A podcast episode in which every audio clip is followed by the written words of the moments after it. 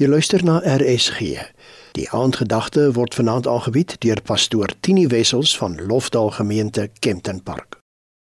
Wat 'n wonderlike voorreg om op RSG, Radio Sonder Grense, die goeie nuus, die blye boodskap, die liefde van Jesus Christus wat ook sonder grense is, te kan deel.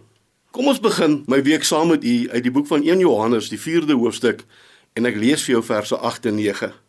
Hy wat nie liefde het nie, het God nie geken nie want God is liefde. Hierin is die liefde van God tot ons geopenbaar dat God sy eniggebore seun in die wêreld gestuur het sodat ons deur hom kan lewe. Wat sê die skrywer hier? Hy sê eerstens God is liefde en hierin is God se liefde vir ons geopenbaar. Sy enigste seun het hy na die wêreld toe gestuur sodat ons in hom Jesus Christus die lewe kan hê. Ja, die ware lewe.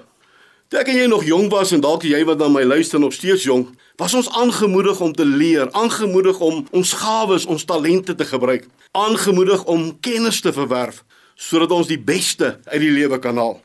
Ek glo jy het ook dikwels gewonder, gaan ek eendag suksesvol wees? Gaan ek gelukkig wees? Gaan ek ryk wees? Met die gedagte dat dit is waaroor die lewe gaan. Iemand het hierdie pragtige stelling gemaak. Ek het vir God alle dinge gevra sodat ek die lewe kan geniet. God het aan my die lewe gegee sodat ek alle dinge kan geniet. Tienie, wat sê jy? Dat sukses, geluk, welvaart eintlik sekondêr is. Dat as jy net op dit gefokus is en net dit nastreef, dat jy die werklike belangrike dinge in die lewe misloop. En verseker, die grootste van alles om God te ken en om hom te dien om God se sienswyse oor die lewe jou eie te maak. Jy sien Jesus Christus se lewe was 'n ware lewe. Hy het nie net bestaan nie. Johannes 10 vers 10 sê, ek het gekom dat julle die lewe en dit in oorvloed kan hê. Sy lewe op aarde was 'n bron van vreugde en vrede en liefde wat hy na ander deurgegee het.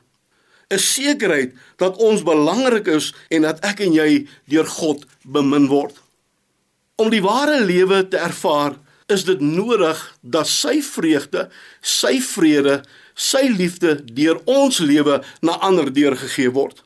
Ja, hulle moet in ons teenwoordigheid ervaar, hulle moet in ons teenwoordigheid beleef dat hulle belangrik is en dat hulle bemin word. Lofdal groete en amen.